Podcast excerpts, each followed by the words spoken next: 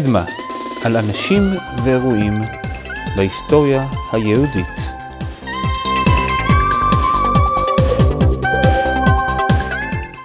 פרק 46 הורדוס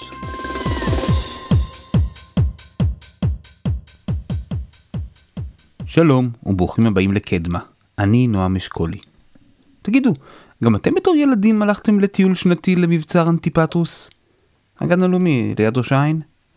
אולי שאלתם את עצמכם, על שם מי זה? מה, מה זה השם הזה ולמה הוא אנטי? אז הוא דמות שכדאי שתכירו. מי הוא? אה, הוא, הוא לא היה בדיוק יהודי, הוא היה אדומי. האדומים הם עם שמי שגר כאן באזור. לפי ספר בראשית הם הצאצאים של עשיו, כלומר, משפחה קרובה שלנו. בתקופת המקרא הם גרו בהרי אדום. בזמן בית שני הם עברו, כנראה בגלל הנבטים שהשתלטו על הדור שלהם, והם עברו אל אזור צפון הנגב ואל הרי חברון. השכנים מדרום של יהודה. יחס בין שכנים ידע עליות ומורדות. כמו כל העמים באזור, גם הם עברו תהליך של התייוונות, הלניזם, שפה, תרבות, אלים, שמות של אנשים. הם די קיבלו את התרבות הזאת בשמחה. יוחנן הורקונוס הראשון, הבן של שמעון החשמונאי, הנכד של מתתיהו, הוא כבש את האדומים וגייר אותם. נתן להם סוג של ברירה, או שתעזבו או שתתגיירו. לא ממש גישה יהודית נפוצה. המלך אלכסנדר ינאי, הבן שלו, הוא מינה נציב מטעמו על האדומים. איש אדומי בשם אנטיפס. גם הוא גויר יחד עם כולם, והבן של אנטיפס הוא אנטיפטרוס. אל תלכו לאיבוד, זה קשור אלינו. אז אחרי מותו של אלכסנדר ינאי, שלטה שלומציון אשתו תשע שנים. יש עליה פרק, כדאי להקשיב לו בשביל רקע. ואז, אחרי מותה, פרצה מלחמת האחים בין הבנים שלה, אריסטובלוס והורקנוס. הורקנוס קיבל את השלטון, אבל היה טיפוס חלש, הוא מושפע מהסביבה, ואריסטובלוס הבן השני חשב שהוא מתאים הרבה יותר לתפקיד. המלחמה ביניהם פרצה בכוח. אני לא אכנס לכל הקרבות והתהפוכות, אבל לענייננו, אנטיפטרוס האדומי הזה הצליח להתקרב להורקנוס ובפועל הפעיל אותו ושלט על המהלכים שלו. וכשהורקנוס הצליח לכבוש מחדש את ירושלים מידי אחיו, בעזרת סיוע של הנבטים, מי שבפועל שלט וקבע היה אנטיפטרוס. ואנטיפטרוס עשה עוד משהו. הוא מינה את אחד הבנים שלו, פצאל, להיות המושל על אזור ירושלים. זה שדואג לעניינים המקומיים. ואת הבן השני שלו הוא מינה להיות מושל על הגליל. ולבן הזה קוראים הורדוס. ועליו בטח שמעתם. האמא של הורדוס, קיפרוס, הייתה דרך אגב נסיכה ערבייה נבטית. אז מה היה לנו שם? אבא אדומי שגויר בכוח. אמא נסיכה נבטית. אז האם הורדוס היה יהודי? האם האימא שלו התגיירה על פי ההלכה? כנראה שלא. אבל אני חושב שמבחינה היסטורית היא שאלה יותר מעניינת. האם הסביבה ראתה אותו בתור יהודי? והאם הורדוס, הורדוס בעצמו, האם הוא ראה את עצמו בתור יהודי? רוב מה שאנחנו יודעים עליו זה ממיודענו יוסף בן מתתיהו, יוספוס פלביוס. היחס שלו להורדוס קצת מורכב, הוא לא ממש אהב אותו, למרות שנראה שהוא הריץ אותו. מאיפה אפשר לדעת על הורדוס עוד? יש קצת בתלמוד, במדרשים, יש uh, במגילת תענית. האמת היא שגם כתבים נוצריים שמספרים עליו. ושם הוא מסופר בתור רשע מטורף ואכזרי רוצח תינוקות. אבל הורדוס מת בשנת 4 לפני הספירה. כלומר, לפני שישו לכאורה נולד. אז הסיפורים האלה פחות אמינים. יש עוד מקור חשוב ללמוד עליו. הורדוס השאיר אחריו המון פרויקטים עצומים של בנייה. והארכיאולוגים כל הזמן חושפים עוד שכבות בקרקע וגם עוד שכבות באיש הזה. תגידו, סקר קצר, לא מחייב. אם למדתם על הורדוס בשיעורי היסטוריה ואם אתם זוכרים משהו, איך אתם זוכרים אותו יותר? בתור הורדוס הגדול, הרוד the Great, או הורדוס הרשע? בינתיים בסקר שלי, דרך אגב, יש התאמה בין המקום שבו למדתם לבין התשובה שלכם. אבל זה סקר לא מחייב. אז, אז האם הוא היה באמת מלך ששם בגאון את יהודה ואת היהודים על המפה, פיתח את הארץ, דאג לעם, או שמא הוא היה רשע, פסיכופת אכזרי, חולה נפש, כמו שהציגו אותו. אולי נצליח להגיע למסקנה בסוף. אז היום, על דמות שהייתה בהרבה דברים הכי, ואולי גם הכי שנויה במחלוקת בהיסטוריה שלנו. בואו נתחיל.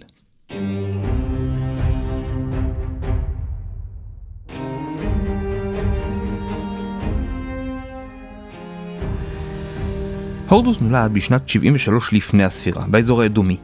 ילד שני מתוך חמישה. ישר לתוך משפחה שעסוקה בפוליטיקה ומדינאות. סבא מושל, אבא יועץ לקרוב למלך היהודי, אמא נסיכה נבטית. כמו שאמרנו, כנראה משפחה אדומית מיוחסת. היו כאלה שטענו שמקור משפחה הוא אחר. היה לו היסטוריון צמוד שקראו לו ניקולאוס איש דמשק. הורדוס מימן אותו. אז הוא כתב בהתאמה. הרבה ממה שיוסף בן מתתיהו כותב על הורדוס זה העתקה מניקולאוס הזה. אז ניקולאוס טען שהורדוס מגיע משפחה יהודית מבבל. לעומת בכנסייה הנוצרית טענו שסבא שלו בכלל עבד מאשקלון. האינטרס של כל אחד מאלה שכתבו פה ברור, ואף אחד לא ממש מקור היסטורי אמין. בגמרא למשל קראו לו עבדה דבית חשמונאי. אבא שלו אנטיפטרוס גויר כשהיה צעיר, אבל הורדוס לא ממש קיבל חינוך יהודי, כל הסביבה שלהם הייתה הלניסטית. השם שלו, הורדוס, זה בא מיוונית, הרו זה גיבור, ואוידס זה שיר, שיר הגיבורים. הוא כנראה נשלח לחינוך בערים הלניסטיות, הוא דיבר שלוש שפות, עברית, ארמית, יוונית. ואתם גם מבינים שהזהות שלו הייתה מורכבת. יוסף בן מספר סיפור מהילדות של הורדוס, שכנראה זה הסיפור שהורדוס דאג להפיץ.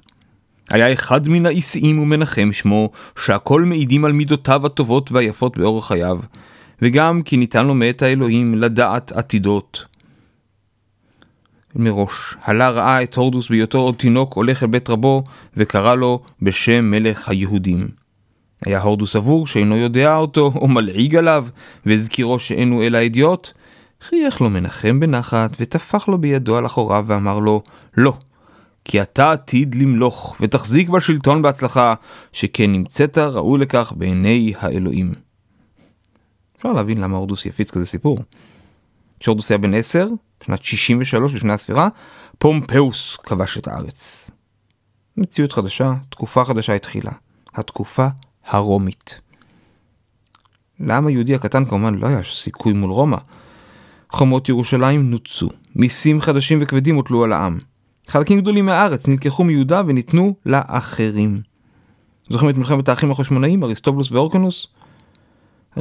הרומאים הבינו עם מי יש להם עסק והם העדיפו כמובן את הורקנוס החלש והם נתנו לו מינוי. נתנו לו מינוי של אתנרך, אפשר לתרגם את זה לנשיא. שליט, אבל לא מלך. הוא היה שליט, אבל די שליט בובה. וגם נתנו לו להיות הכהן הגדול. ומי שבפועל ניהל את העניינים, כמו שאמרנו, היה אנטי-פטרוס, אבא של הורדוס. והוא דאג לאינטרסים שלו ושל רומא. בעקבות שירותו הטוב, משנת 47 לפני הספירה, כשהורדוס היה בן 26, יוליוס קיסר העניק לאנטיפטרוס ולכל המשפחה אזרחות רומית. ושנה לאחר מכן אנטיפטרוס דאג שהורדוס יקבל מינוי למושל הגליל, ופצאל מושל אזור ירושלים. הורדוס הצעיר לא מבזבז זמן, הוא מתחיל להשליט סדר. ובין השאר, הוא תופס מישהו שם בשם חזקיהו הגלילי, שיוסף בן מתתיהו מגדיר אותו בתור שודד. אבל יותר סביר להגיד שהוא היה פשוט יהודי שמרד ברומא. הורדוס תופס אותו ומוציא אותו להורג בלי משפט. היהודים מאוד כועסים, ולוחצים על אורקנוס, שהוא לכאורה שליט, כן? להעמיד את הורדוס הזה לדין בפני הסנהדרין. אורקנוס לא כל כך רוצה. אבל אין לו ברירה. אז אורדוס מקבל זימון למשפט בירושלים. והוא מגיע. אבל כשהוא נכנס לאולם, כל הסנהדרין נכנסים לחרדה. למה?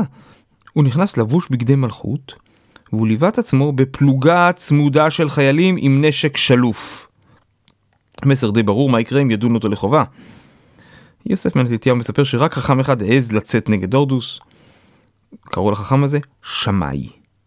יכול להיות שזה אותו שמאי שאתם מכירים, בתור הזוג של הלל. אורקנוס ראה שהכיוון נוטה כנגד הורדוס, והודיע שהמשפט אה, נדחה ביום. הוא מיד אמר להורדוס שיעזוב את ירושלים. אחרי המשפט, הורדוס מקבל מינוי מהנציב הרומי האזורי להיות מושל של חילות סוריה ושומרון, והוא מתכנן נקמה. נקמה במי שרצה להעמיד אותו לדין, נקמה במי שהעז לדון אותו, נקמה גם באורקונוס שהוא הסכים להשפלה הזאת. ברגע האחרון אבא שלו, אנטיפטרוס, עוצר אותו. כאן עצרו אותו, אבל ברוב חייו לא יהיה מי שיוכל לעצור את הורדוס.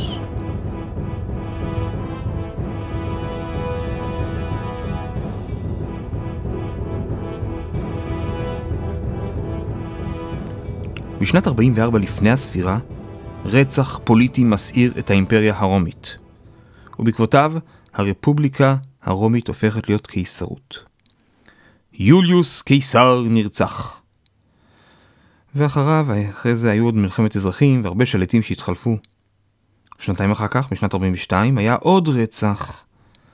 אחד מהמקורבים של אורקונס השני, שליט עובר החשמונאי, רצח את אנטיפטרוס, את אבא של אורדוס. אורדוס הזועם מתנקם ברוצחים. אבל עכשיו הדרך פתוחה לפניו לעמוד בעצמו בחזית הבמה. הוא ואחיו פצאל שולטים בפועל על יהודה כולה.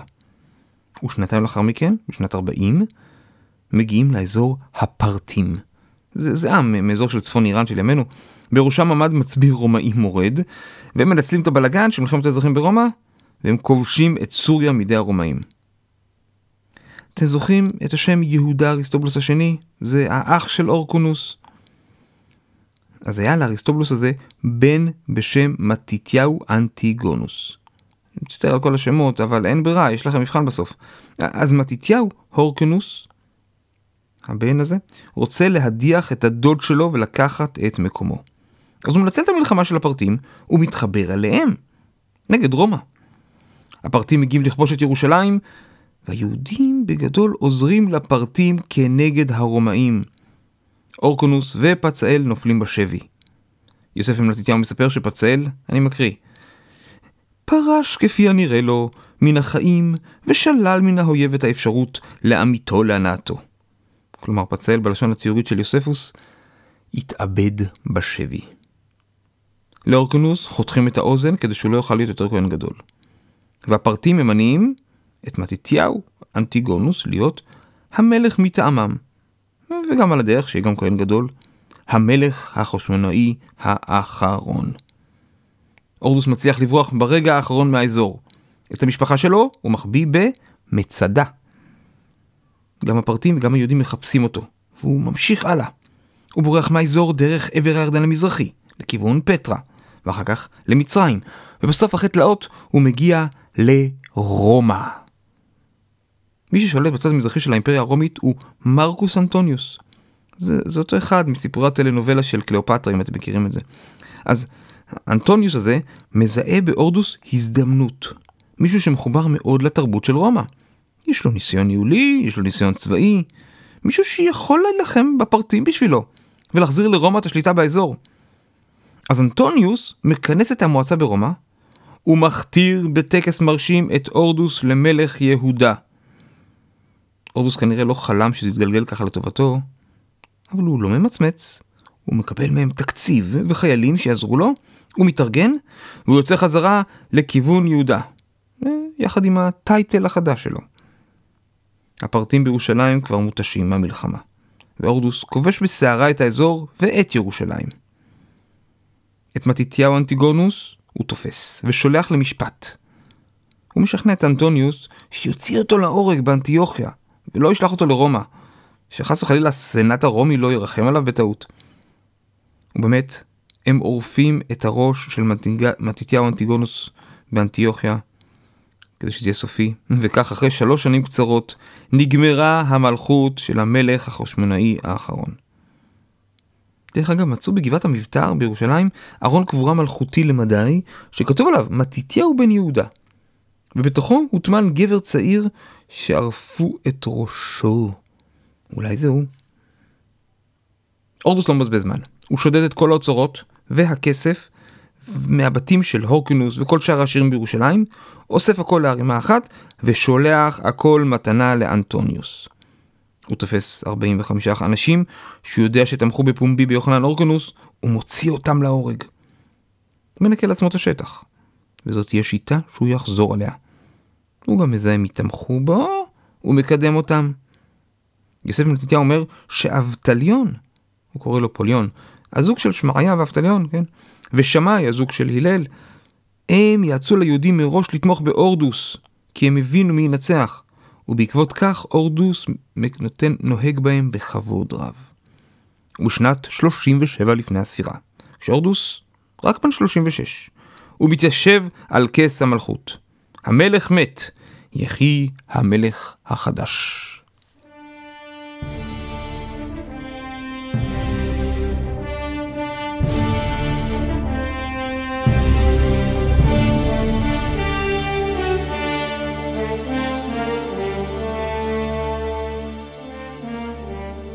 אז זה דבר אחד להגיע לתפקיד, ודבר אחר לגמרי לשמור עליו. והורדוס מבין שיש לו הרבה אתגרים. הוא היה פוליטיקאי ממולח. והיו לפניו כמה מעגלים שהוא צריך להתמודד איתם. לפני הכל היה את רומא. אולי הוא היה מלך, אבל זה מלך חסות. רומא שלטה באזור והיא נתנה להורדוס סמכויות לשלוט מטעמה. הוא בגדול יכול לעשות מש... בפנים מה שהוא רוצה, אבל כל פעילות עם גורמי חוץ, מסחר, קשרים, מלחמות, כל דבר כזה הוא צריך אישור של רומא. למה רומא נתנה לו לשלוט ולא מינתה נציב מטעמה, כמו שהיא עשתה בהמשך? אז בגדול מה שמעניין את רומא זה כסף אה, וכוח. אם הם שולטים ישירות הם צריכים גם להוציא כסף על חיילים ומנגנון, וגם צריך לגבות יותר מיסים ואז יותר מסובך. לעומת אם יש מלך מקומי שנאמן לרומא וכל ההוצאות עליו, והוא דואג לשלוח כסף לרומא. אז מבחינת רומא זה עדיף. בתנאי שהוא באמת נאמן לרומא. ואורדוס היה נאמן. הוא היה בקיא בפוליטיקה הסבוכה של רומא, והוא ידע בדרך כלל לבחור בצד המנצח. הוא ידע גם לשמן את המערכת ולשלוח להם מתנות והטבות. אחד האירועים המדהימים בעיניי זה הסיפור של האולימפיאדה. אירוע ספורט שהתרחש גם אז, פעם בארבע שנים. אז היה תמיד ביוון, באזור אולימפיה, אולימפיאדה. אירוע כזה עולה הרבה כסף, ופעם אחת נגמר למארגנים הכסף. והאירוע די הידרדר. אז אורדוס הודיע שהוא, מלך היהודים, מממן את האולימפיאדה, כולל כל הקורבנות לאלים היוונים. אורדוס וממלכת יהודה זכו לכבוד בקרב כל העמים המשתתפים. למה עשה את זה? זה היה בשביל לפאר את שמו? תרגיל ביחסי ציבור? אם זה יחסי ציבור, אז בהחלט זה היה תרגיל יקר. אבל היה להורדוס מקורות מימון. נדבר על זה עוד רגע. הוא גם בנה בטריפוליס, בדמשק, בעכו, בצידון, בצור. הוא תורם לתושבים מוסדות ציבור, מרחצאות, גימנסיונים, תיאטראות. מפר את שמו, וגם מקבל תמיכה רחבה מהשכנים. הורדוס היה צריך לתמרן בין הרבה גורמים. הבנתם שהוא היה צריך למצוא חן בעיני רומא כדי לשרוד בתפקיד. רומא רצתה לאחד את האימפריה בתרבות משותפת, ויהודה התעקשה להיות שונה. המצב הפנימי בארץ היה מורכב. חוץ מהיהודים הייתה בארץ אוכלוסייה נוכרית מאוד גדולה. מכל הכיוונים. פיניקים, שומרונים, נבטים. היו גם המוני חיילים, חיילים רומים משוחררים שקיבלו כחלק ממענק השחרור שטח בארץ. ומבחינת כל האוכלוסייה הנוכרית הזאת, הורדוס היה יהודי. וגם בקרב היהודים המצב היה מורכב. היו כמה סיעות, ואף אחת לא ממש אהבה את הורדוס. הצדוקים כעסו עליו כי הוא הוריד את בית חשמונאי, אלה שהיו מקורבים אליהם. הפרושים כעסו עליו על התרבות ההלניסטית שהוא הכניס, ועל עובדת האלילים. לא היה להם חסר סיבות. אז הורדוס צריך לתמרן בין כולם. הוא צריך לוודא שאף אחד לא ימרוד או ינסה להחליף אותו. איך עושים את זה? ראינו שהוא לא מהסס לחסל מתנגדים. Hmm, זו שיטה נפוצה לשמור על השלטון שלך. וככל שהשנים עברו, הוא נהיה יותר פרנואיד. אז הוא גם חיסל יותר. וחוץ מזה, כמו פוליטיקאי משופשף, הוא ניסה להראות לכולם שהוא בצד שלהם. אז מול התושבים הנוכרים של הארץ, הוא מראה להם איך הוא בונה, הוא נותן להם ממיטב התרבות הרומית ההלניסטית של העולם. הוא שם את הארץ בחזית הקדמה. הטכנולוגיה, התרבות של העולם הרומי. הוא גם בנה בשבילם הרבה מקדשים אליליים וסיפק להם אפילו את הקורבנות. טוב, זה מול הנוכרים, ומה מול היהודים? לתת להם תרבות רומי זה פחות מדבר אל היהודים האלה. יותר מזה, הורדוס נתפס ביניהם כנטע זר, אחד שחיסל את שושלת המלוכה. אז הורדוס, בצד פוליטי מחושב, מחליט להתחתן עם הנכדה של יוחנן הורקנוס. את, את זה שהוא הוריד מהתפקיד. בצורה כזאת הוא קיווה שהשלטון שלו יהפוך להיות יותר לגיטימי. היא לא הייתה האישה הראשונה שלו, אם שאלתם. הוא התחתן סך הכל עם עשר נשים, כולל כמה בו זמנית, כן? לנכדה של אורקנוס קראו מרים. מרים החשמונאית. הוא מתחתן איתה, כדי למצוא חן בעיני העם. ועל הדרך הוא גם מחזיר לירושלים מהגלות את הסבא של מרים, את טורקנוס הזקן, המלך לשעבר, קטוע האוזן. ובתור כהן גדול, הוא ממנה את האח הצעיר של מרים, את אריסטובלוס השלישי. והוא היה רק בן 17. הכל אידיאלי.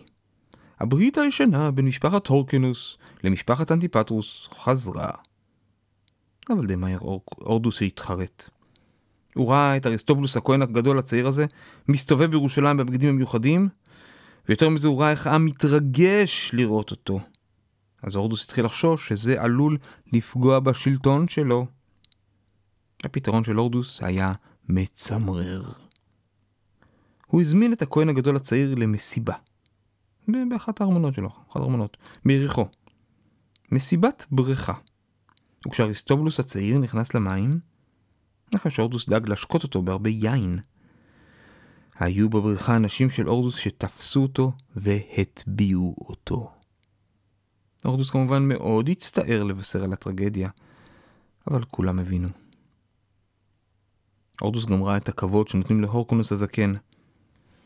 אז גם זה הרגיז אותו, והוא המציא בגידה כלשהי, הוא ביים משפט, והוציא אותו להורג.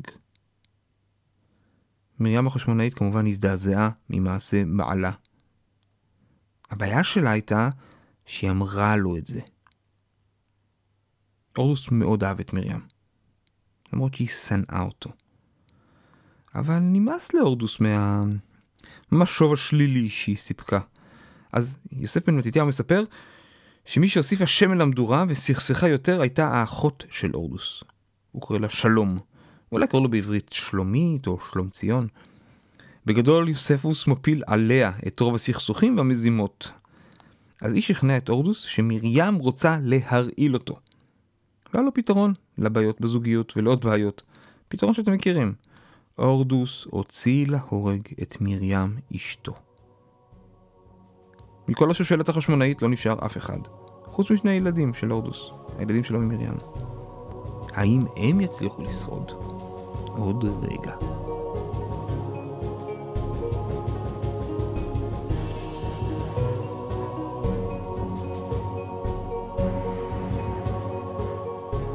זוכרים את מלחמת האזרחים ברומא שפורצת אחרי רצח יוליוס קיסר?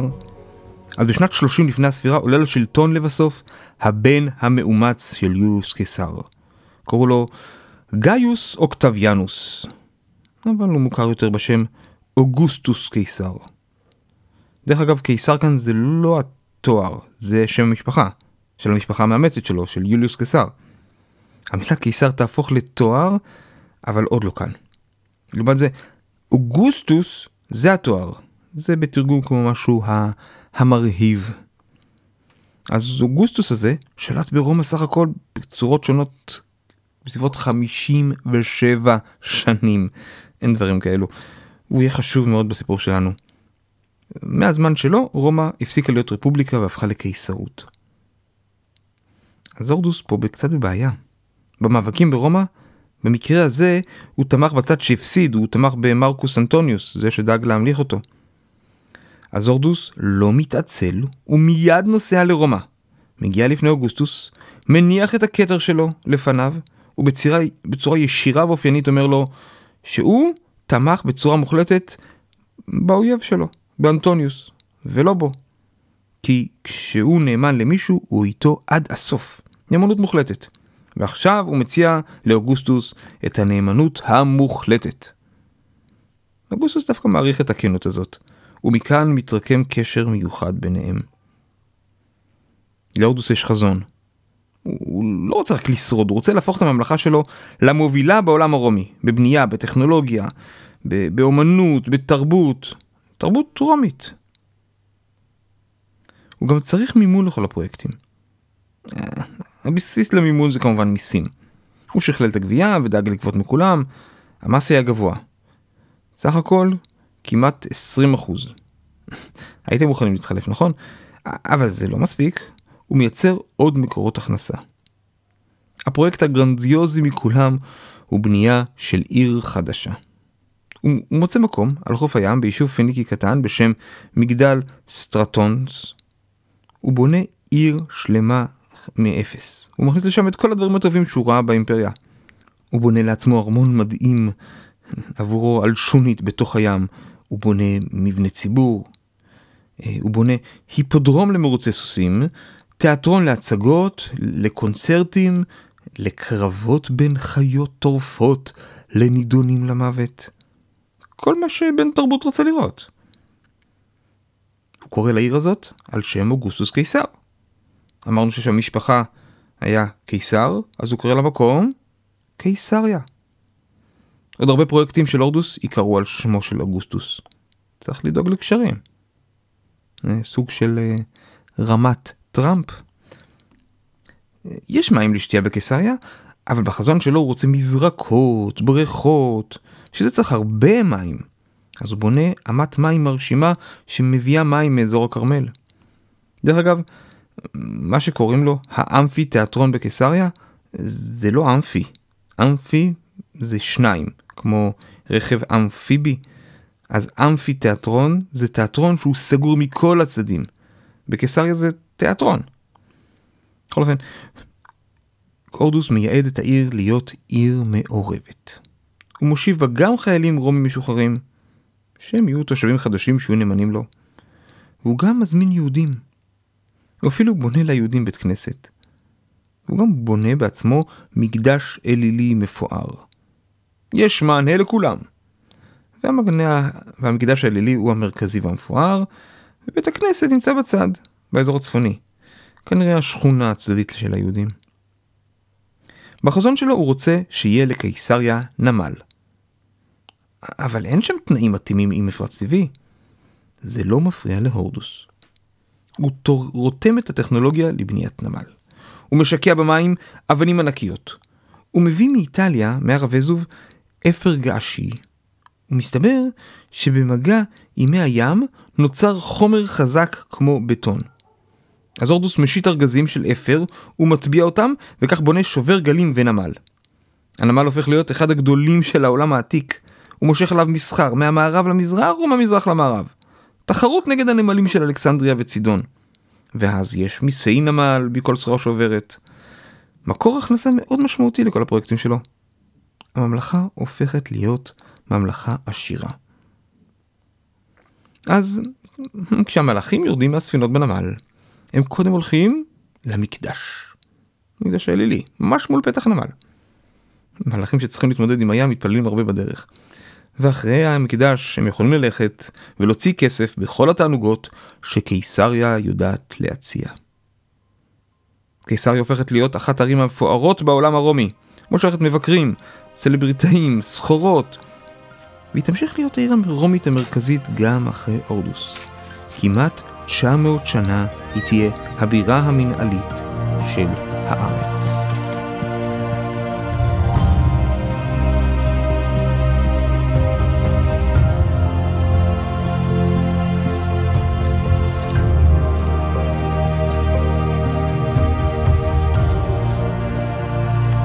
אורדוס בנה עוד. הוא בנה לעצמו ארמון חורף מדהים במצדה. הוא בונה את העיר שומרון, הוא משנה את השם שלה לסבסטיה. זה גם על שם אוג... אוגוסטוס, אבל זה בתרגום ליוונית. וגם שם הוא בונה מקדש אלילי. הוא בונה מקדש בבניאס, הוא בונה מבצרים, מבצרים שהם ארמונות באורקוניה במדבר יהודה, במחבר בעבר הירדן המזרחי, באשקלון, הוא בונה את העיר אנטיפטרוס ליד ראש העין, הוא בונה בציפורי בגליל, הוא בונה מפעלי מים מרשימים לירושלים. מעריכים גם שאת המבנה מעל מערת המכפלה בחברון הוא בנה. והוא גם בונה לעצמו ארמון בהרודיון. הארכיאולוגים מזהים בנייה שהם קוראים לה הרודיאנית. כלומר, בנייה של הורדוס. זה כולל צורה מיוחדת של סיטוט אבני הבנייה. ודי מדהים, עד היום ממשיכים למצוא עוד תגליות מהתקופה. בשבוע שאני מקליט את הפרק הזה, רשות העתיקות הודיעה שהיא חשפה בית הרודיאני שהוא המפואר ביותר שהכרנו בירושלים, באזור הכותל. עוד נקודה ארכיאולוגית מעניינת, אם כבר נגענו בזה, פרופסור אייל רגב מאוניברסיטת בר אילן חשף בארמונות של הורדוס בכל מקום המון מקוואות. גם במקומות שרק הורדוס הגיע אליהם. בחלק מהמקומות הוא לוקח תכנון של בית מרחץ רומאי ומסב אותו להיות מקווה כשר. אז המסקנה של אייל רגב, שהורדוס למרות הכל ראה את עצמו יהודי, והקפיד על הלכות. איך זה מסתדר עם התנהגויות אחרות של הורדוס? לא יודע, אנשים זה דבר מורכב. ללא ספק, אחד הפרויקטים המרשימים ביותר של הורדוס היה עבור היהודים. בשנת 19 לפני הספירה, כשהורדוס בן 54, הוא מכנס את יהודי ירושלים בתיאטרון המקומי שהוא בנה, והוא מודיע להם שהוא הולך להרוס את בית המקדש הקטן שנמצא על הר הבית, ולבנות במקומו מקדש חדש. מפואר יותר מכל דבר שהוא עשה אי פעם. מפואר יותר אולי מכל דבר אחר בעולם. והתגובה של היהודים זה כמובן פחד גדול. מי יודע אם הוא באמת יבנה אחרי שהוא יהרוס? אבל אורדוס מתכוון ברצינות לפרויקט, אולי הגדול שלו. כדי להרגיע את העם, הוא מכין את כל צורכי הבנייה מראש. חומרים, כלי עבודה, הוא מכין ומכשיר עשרת אלפים פועלים. הוא לוקח אלף כהנים כדי שהם יבנו את החלקים המקודשים. ואז הוא מתחיל בהכנה משמעותית ביותר. הר הבית לא מספיק בגודל לחזון שלו, אז הוא מגדיל את ההר. או ליתר דיוק את הרחבה על ההר. הוא בונה חומות תמך עצומות בצורת מלבן ענק סביב ההר. קילומטר וחצי של חומות ענק. חוצבים אבנים בגודל עצום. אם תבקרו במנהרות הכותל, אתם יכולים לראות שם את אבן הבנייה אולי הכי גדולה בעולם. יותר גדולה מאבני הפירמידות. יש לה אורך מעל 13 מטר, ומשקל של מעל 600 טון. כמו, כמו עשרה טנ, טנקי מרכבה. הכותל הוא כמובן חלק מהחומות של הרחבה הזאת, הכותל הוא לא חלק מהמקדש. ובין קירות התמך, הורדוס בנה קמרונות, ומעליהם לוחות רצפה. אז במקום שטח של בערך 500 אמה על 500 אמה, הוא יותר ממכפיל את השטח. ועל הרחבה הוא בונה מסביב סתבים של עמודים, כמו שהיה מקובל בעולם הרומאי, ובקצה הדרומי של הרחבה, פחות או יותר איפה שהיום מסגד אל-אקצא, הוא בונה מבנה ציבורי מרכזי. הסטאיו המלכותי. מבנה ענק ומפואר שמשמש לצרכים ציבוריים. בתי משפט, שוק חלפנים, אפילו מקום לארח אורחים חשובים מחו"ל, שאסור להם כמובן להיכנס לתחום המקודש. אז אחרי שיש רחבה ענקית, הגדולה ביותר בעולם, למקום, למקום מקודש, אז אפשר להתחיל לבנות את המקדש עצמו. אורדוס רצה את הכי גדול, את הכי מפואר, את הכי יפה, להיכנס לרשימת פלאי תבל. אתם מכירים את התוכנית הכללית של מקדש, היכל, הקודש, שבתוכו המנורה, השולחן, מזבח הקטורת. ובפנים הדביר, קודש הקודשים, המקום המקודש שרק הכהן הגדול נכנס אליו פעם בשנה. בתקופה הזאת הוא היה ריק, לא היה שם את ארון הברית. אז אורדוס מגדיל את הארכיטקטורה הבסיסית הזאת מאוד. מבחוץ אולם כניסה רחב וגבוה. הוא בונה את הבניין כך שהגובה מבחוץ נראה ארבע, בגובה של 40 או 50 אמות. זה, זה משהו כמו בניין של 8 קומות. וכל זה בלי בטון, בלי ברזל, בלי יסודות עמוקים. אז כדי לבנות ככה צריך קירות מאוד רחבים. בבסיס היה שם רוחב של יותר מ-4 מטרים. הורדוס משתמש בחומרי בנייה מכל העולם. הוא מייבא שיש במיוחד. בגמרא מסופר שהוא רצה לצפות את הבניין בזהב, אבל חכמים ביקשו שישאיר אותו עם השיש, שנראה כמו גלי ים. המקדש עצמו הוקם בזמן שיא של פחות משנה וחצי. אבל כנראה העבודות השונות באזור המשיכו עוד הרבה שנים, וגם אחרי מותו של הורדוס. הפרויקט השאפתני הושלם. וכמו שהגמרא אומרת במסכת בבא בתרא, מי שלא ראה בניין הורדוס, לא ראה בניין נאה מימיו.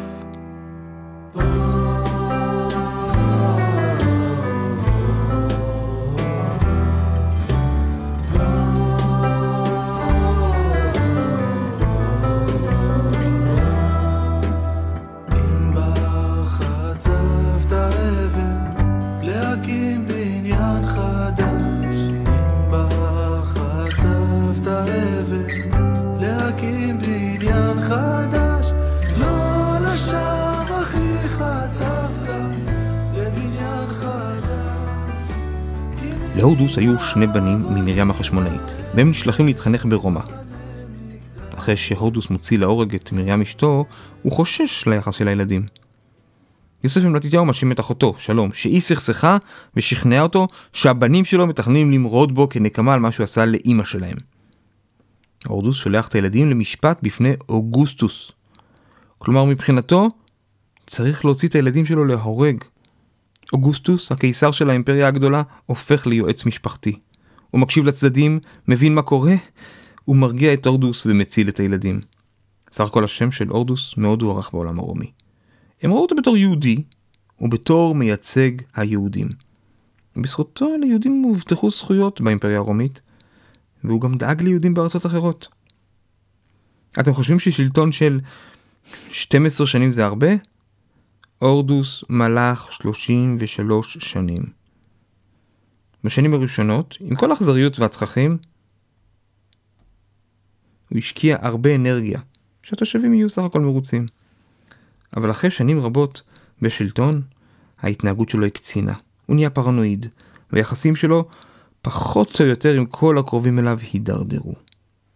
ובשנת תשע לפני הספירה, הורדוס מנצל רגע שאוגוסטוס עסוק בדברים אחרים והוא מוציא להורג את הילדים שלו, את הבנים שלו ממרים החשמונאית. אמרו בשם אוגוסטוס שעדיף להיות החזיר של הורדוס מאשר הבן של הורדוס. כי הורדוס לא הרג חזירים כי זה לא כשר, אבל את הילדים שלו, הבריאות הגופנית וגם הנפשית שלו מידרדרת.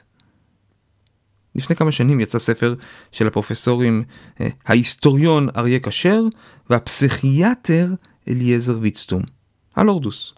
הם משקיעים אותו על הספה ומנתחים את ההפרעות הנפשיות שלו. בגדול הם מנסים להוכיח שהיו לו רגשי נחיתות, זהות מבולבלת, וזה ישתלב עם כישרון מניפולטיבי, אה, כוח רצון גדול, וגם תוקפנות וחשדנות ודמיון פורה. והשילוב בין כולם לפי הפרופסורים, הוביל אותו להפרעה אישיותית פרנואידית. דווקא שיטה מעניינת לניתוח היסטורי. בשנת 4 לפני הספירה, אורדוס שוכב על ערש דווי. והוא מורה להוציא להורג את הבן הבכור שלו, את אנטיפטרוס. זו אולי ההוראה האחרונה שלו בחייו. שלושה ילדים שלו הוא הרג. הוא חושש שביום שהוא ימות, היהודים יחגגו.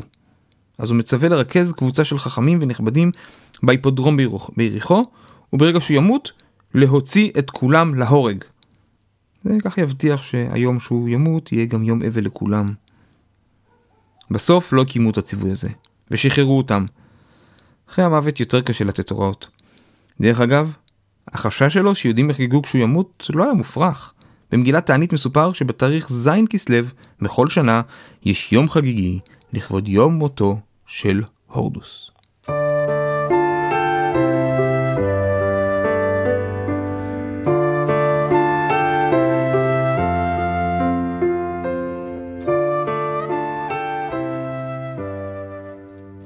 אז איך אנחנו צריכים להתייחס להורדוס?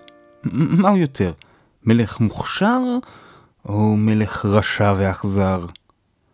מעניין שבכתבי הכנסייה הנוצרית הוא מוצג בתור הרשע הגדול.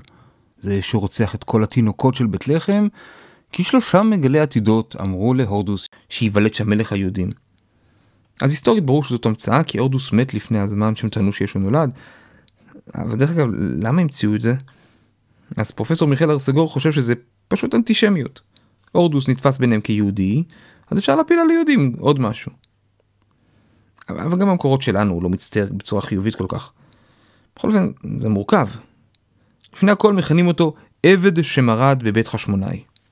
אנחנו מבינים שזו לא אמירה היסטורית, זה בגלל שהוא הדיח אותם ועלה במקום לשלטון. אבל מבחינתם הוא נשאר לא ראוי למלוך. מתייחסים אליו בתור רשע, רשע שראוי לציין את יום מותו בשמחה.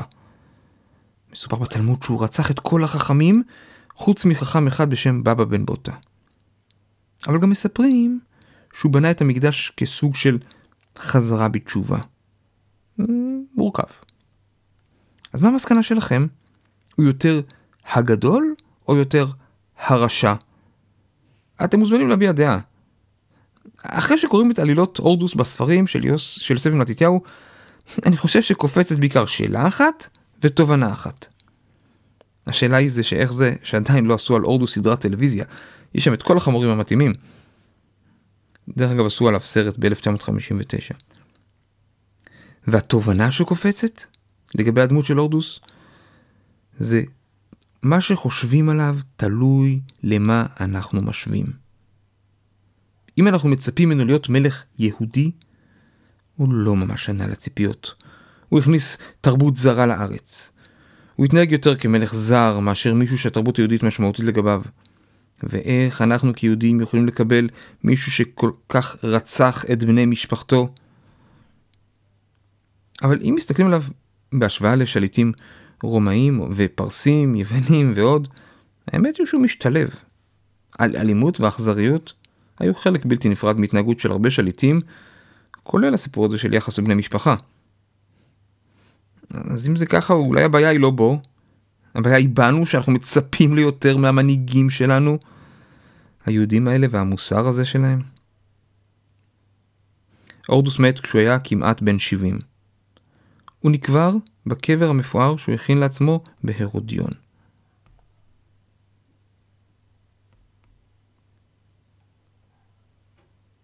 הוא השאיר הוראות מדויקות על ההלוויה.